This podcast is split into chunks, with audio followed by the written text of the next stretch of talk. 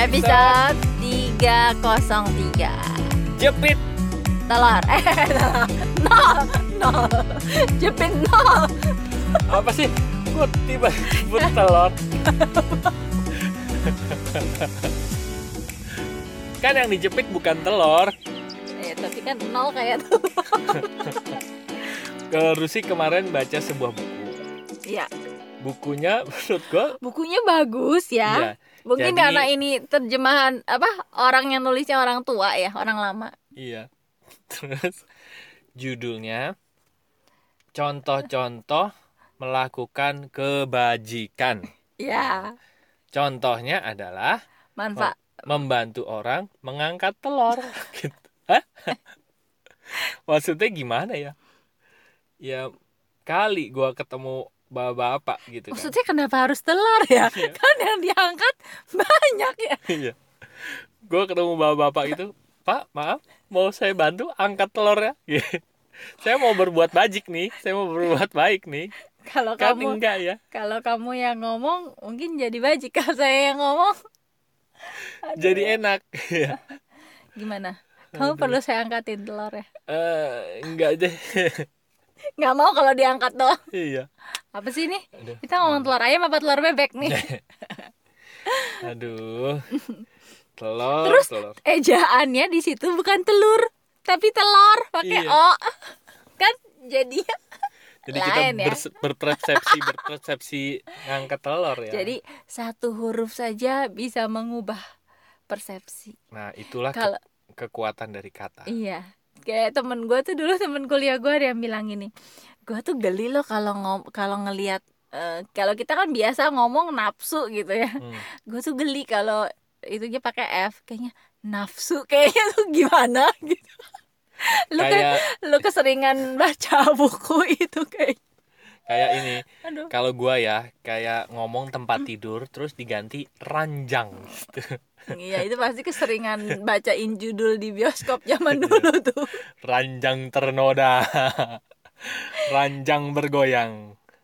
Gempa bumi padahal. ranjang bergoyang Oke deh. Ya kan masa tempat tidur ya aneh Ya banget kan ya. tempat tidur. Kayaknya kalau ranjang itu konotasinya udah adegan ranjang soalnya begitu Oh iya iya. nggak iya. ada adegan tempat tidur kan Mm-mm. apalagi adegan spring bed Kayaknya mental mentul. bukannya bagus ya Duh, kenapa gue pagi-pagi ngomong begini ya? Ini efek tadi malam gue ngumpul sama teman-teman gue, mereka membahas membahas resep eh, resep. Iya dan gua eh tapi enggak sih emang gue juga sama anak-anak semalam. Nah, teman-teman, kita mau ngobrolin soal sesuatu yang sering dianggap remeh, tapi sebetulnya itu berdampak besar buat kehidupan orang. Dianggap Bahkan, klise. mm, Klise apa klise? klise. Itu Eh, film. kalau film itu apa? Klise. Klise. Klise. Ya pokoknya itu Nah. ya teman-teman. Gue nggak tahu ngomongnya apa. Iya. Nah, padahal hal inilah yang membentuk kehidupan banyak orang gitu. Iya. hal ini tuh membentuk kehidupan orang loh gitu. Hal itu adalah omongan, kata-kata, Kata-kata. kalimat, ucapan, ya kan. Mm. Gua eh, Panji Pragiwaksono tuh pernah bilang bahwa ngomong itu bukan ngomong doang. Ngomong itu bisa menggerakkan. Mm. Ngomong itu bisa buat lo sedih, bisa buat lo bahagia, senang lebih tepatnya bukan bahagia ya. bisa buat semangat, Bisa buat semangat, bisa bisa bikin patah juga. bener, terus bahkan bisa mengubah kehidupan lo gitu. Hmm. Kenapa omongan itu bisa mengubah kehidupan? Karena dari omongan orang, lo bisa merubah sudut pandang lo terhadap sesuatu. Ya. Gue baru baca sesuatu nih, namanya servo mechanism dari Mas Arief Rahutomo ya. Mm-mm. Mas Arief cerita gini, eh kita tuh punya namanya servo mechanism, eh, servo mechanism. Jadi ke, apa ya pengulangan otomatis gitu ya. Bawah sadar kita tuh mengulang sesuatu gitu. Nah, Mas Arief cerita gini, soal utang aja. Ada orang tuh punya kemampuan otomatis berhutang, tapi nggak punya kemampuan otomatis membayar. Nah, Jadi oke. kalau mentok, mentok finansial utang aja gitu. Nah, Hmm. tapi dia nggak menciptakan servo mekanisme untuk membayar.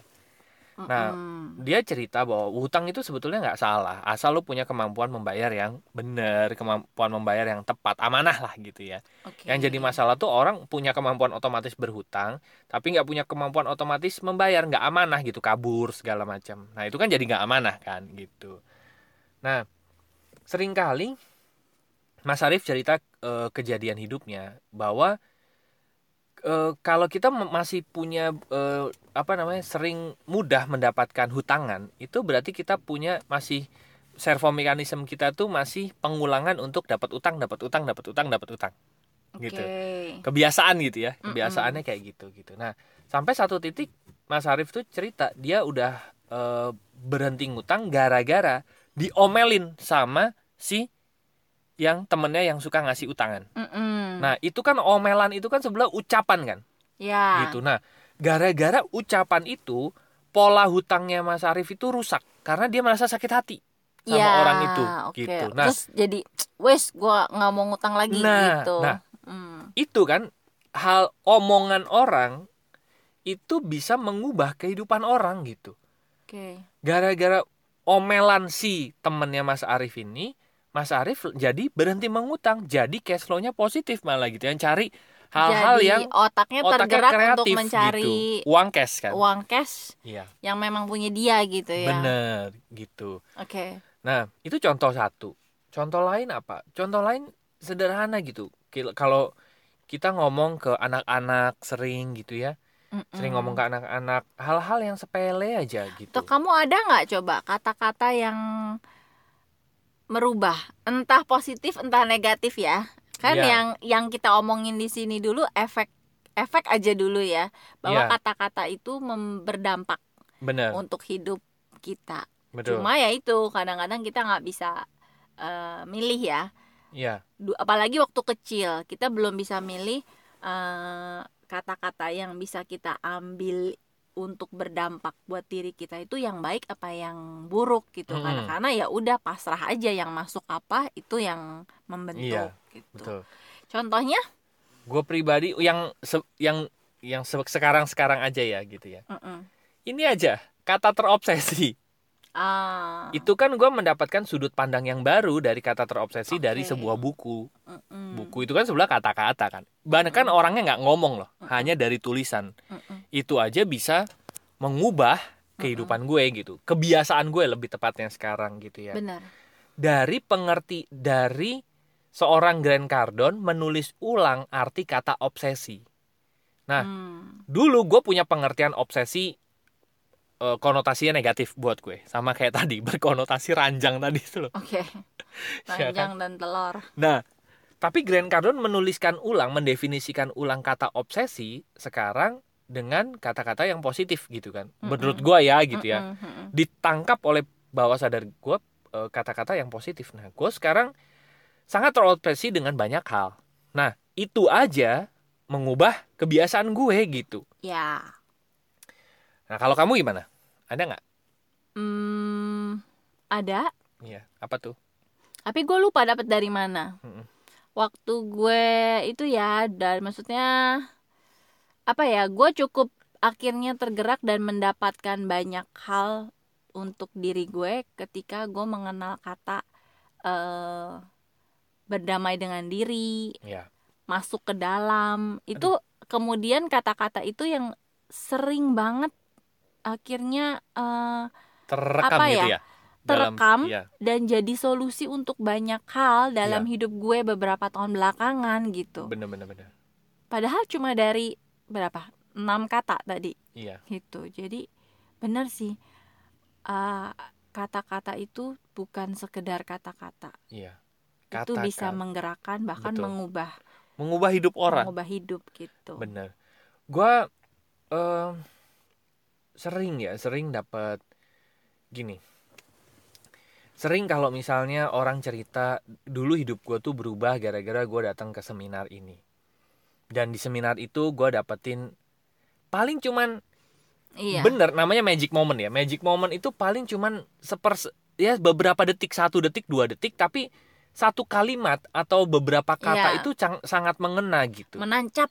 menancap betul. Makanya eh, banyak orang itu terubah hidupnya gara-gara kata-kata gitu. Nah, Iya. cuman banyak orang yang berpikir bahwa alah lu cuman ngomong doang gitu. Omdo, Mm, mm, omdo mm, mm. gitu ya. Nah, gue merasakan sebelum gue masuk komunitas ini nih yang sekarang ya, gue merasakan memang banyak orang yang omdo gitu, Oke. omong doang gitu. Hmm. Tapi gue merasa ya gini, gue nggak tahu ya, mungkin nggak cuma di komunitas ini, Iya, ya, cuma kebetulan kita memang ketemunya di komunitas, iya, di komunitas ini. Gue merasa bahwa kalau orang sudah melakukan apa yang dikatakan, itu jadinya nggak omdo gitu. Kata-katanya punya getaran yang Iya. berbeda. Ada Eh, isinya. bener. Dan kita kan manusia memang kita ini kan Manusia energi, rasa. frekuensi, Bener. energi rasa. Jadi pasti antara orang yang ngomong sebatas kata-kata dengan orang yang ngomong kata-katanya isi, Iya, ada energinya, ada getarannya, itu pasti nyampe nya beda gitu. bener, betul. Padahal kata-katanya sama. Iya. Ya kan pilihan katanya sama, tapi getaran di dalam katanya itu yang berbeda gitu. Iya. Makanya gue lihat ya, eh, kenapa ya ada orang yang sebetulnya public speakingnya nggak bagus-bagus amat gitu ya, tapi dia didengerin banyak orang gitu, Oke. karena di setiap katanya tuh ada getarannya gitu loh. Ya, Ada- biarpun susunannya nggak rapi, Mm-mm. tapi secara getarannya itu nyampe gitu ya. bener. Gue masih ingat gitu ya, gue nggak tahu ini bener apa enggak. Gue masih ingat dulu gue pernah dapat cerita Winston Churchill Ya, yang diminta dia pidato, minta pidato di, di, eh, universitas, universitas di yang mau kelulusan itu kan? Apa ya universitasnya? ya gue lupa. Nah si Liel tahu deh. Winston Churchill ini cuman ngomong dia cuma naik ke panggung menatap para mahasiswa yang mau lulus lalu dia cuman bilang never never never give up. Habis itu dia selesai. Nah cuman itu aja katanya bisa menggerakkan orang gitu berkesan gitu Iya. nah sedangkan kalau orang lain niru never never never give up apa sih ini bocah gitu. Toyor. ngomong apa sih ngemeng aja Iya. gitu kan Cuma kalau ya benar. ya kan Soekarno gitu mantan presiden Soekarno gitu ya ngomong mungkin ucapannya sedikit gitu ya tapi getarannya itu loh Apa Itu yang membuat seseorang apa yang dia lakukan sehingga yang dia katakan itu jadi berisi. dia melakukan apa yang dia katakan. Dia pernah melakukan apa yang dia katakan. Jadi pas Makanya- dia ngomong itu ada emosi yang terlibat. Bener. Karena dia ya dia tahu rasanya melakukan itu. bener. Pada saat dia Down, ngomong iya bener. dengan emosi itu itu yang getarannya nyampe kan. Itu yang itu kenapa para stand up comedy itu bilang kalau mau bikin materi cari aja keresahan yang di dalam. Supaya deliverynya nyampe eh, gitu. apa real gitu ya. bener. Di setiap kata itu ada getaran yang dirasain gitu. Nah dan itu gila banget loh. Menurut bagi gua ya itu bener-bener top banget gitu. Kayak gini aja ya.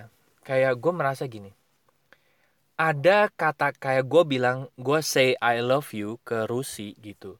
Ada masa-masa di mana gue say I love you-nya tuh ya cuman kata doang nggak ada getarannya. Ya, hanya sebatas formalitas. formalitas. Tapi ada masa-masa yang gue ngomong I love you itu mungkin sampai sekarang Rusi masih inget momennya apa kapan gitu. Karena getarannya itu berasa banget gitu. Gue masih inget Ari pernah bilang gue, kamu cantik nih.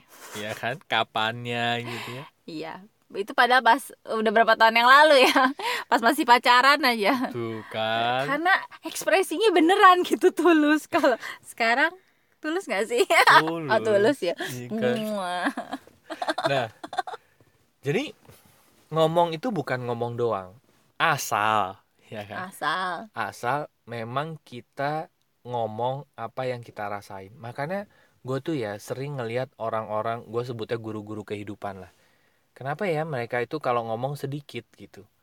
Karena sebetulnya mereka cuman mau ngomong yang apa yang pengen mereka ucapin gitu. Dan yang mereka ucapin itu sebetulnya mereka udah rasain dalam kehidupan mereka. Jadi setiap kata yang muncul di dari mulut mereka gitu ya itu memang kata-kata yang ada getarannya gitu kan Iya, dan gue inget, gue pernah bacain satu artikel ke Ari. Gue lupa tentang artikel apa ya, tentang spiritual gitulah. Hmm. Dan di tengah-tengah, di tengah-tengah baca itu, nggak tahu kenapa kata-kata di artikel tuh menyentuh gue banget sampai gue nangis. Gue nggak bisa berhenti, nangis gue nggak bisa berhenti nangis dan akhirnya gue nggak bisa lanjut baca kan. Ah, apa ya? akhirnya gue oper handphone gue ke Liel oh iya. ke anak gue yang gede. Tolong bacain buat papi.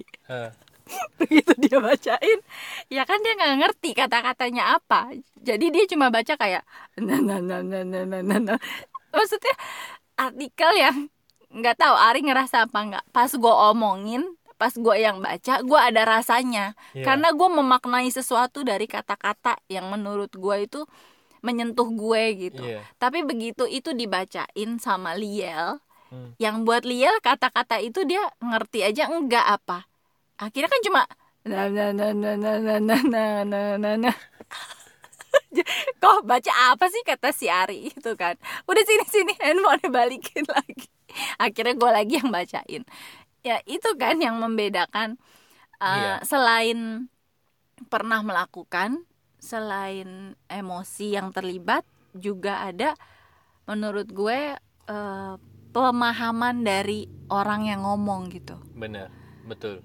Kalau orang yang Bener. betul-betul dia udah paham maknanya dia sendiri juga meresapi gitu. Pada saat dia ngomong ya nggak tahu kenapa lain aja gitu. Betul. Kayak orang baca puisi. Bener ya baca. Antara yang copy paste copy Iya. paste uh-uh. ya cuman oh gue udah pernah dapat pengetahuan ini terus gue lanjutin ke situ gitu ya sama orang yang memang bener-bener paham satu kalimat itu gitu ya apalagi dia pernah merasakan Mm-mm. kegelisahannya itu memang getarannya beda banget gitu apalagi kalau tulisan orangnya ini yang buat gitu jadi dia Iya. tahu ada apa sih di balik Di balik tulisan itu, iya, ini benar. gitu betul jadi benar kata-kata itu bukan omongan bukan doang, gitu. sekedar kata-kata bener betul. Hmm. dan gue kemarin ya gue kemarin ketemu orang di perjalanan gue nyetir. Gue bilang gini ih kayaknya gue tahu deh apa salah satu yang salah satu gift gue. Kapan ini? Tadi malam. Saya Oh, belum cerita oke. memang. Mm-mm. salah satu gift gue. Salah satu yang mau gue lakuin mungkin sepanjang sejarah hidup gue. Gue menyadari ini bukan sombong nih cuman songong aja ya oke gue merasa sih di podcast gue gue terlalu banyak membanggakan diri cuman gue harus akui memang itulah gue gitu ya gue merasa gini gue tuh orang yang sangat cepat belajar kalau ini gue akui jadi Iya. sebenarnya bedakan sombong sama eh, emang begitu adanya mengakui Iya. bahwa memang ada kualitas itu gitu kalau jadi kalau Mm-mm. menurut gue sih bukan sombong selama kan? ini yang Ari omongin bukan sombong gitu. bukan sombong tapi aja gitu. Nggak, enggak sih harusnya gue yang ngomong tapi kan dia bisa menyampaikan Iya. sendiri jadi Iya. ya sudah nih Silakan. semoga da- dari rasa nih dan semoga. dia nggak ada mental block gitu Nggak, gua nggak untuk- makanya gue sih makin sombong makin menikmati gue kalau gue kan ngerasa gue so, gue enak nggak ya ngomong gitu gue harus belajar dari Ari lanjut Iya.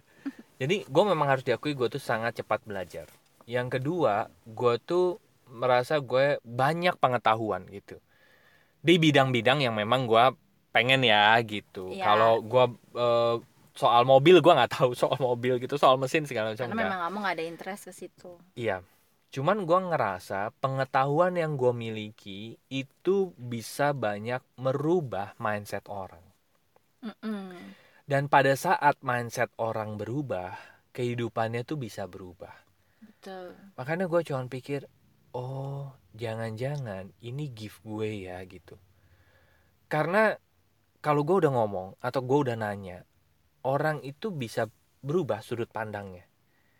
Eh, terutama kalau bicara langsung gitu ya. Banyak hal-hal, banyak kalimat-kalimat gue yang sekarang dipakai banyak orang. banyak jargon-jargon yang gue dulu buat akhirnya dipakai juga bagi banyak orang gitu.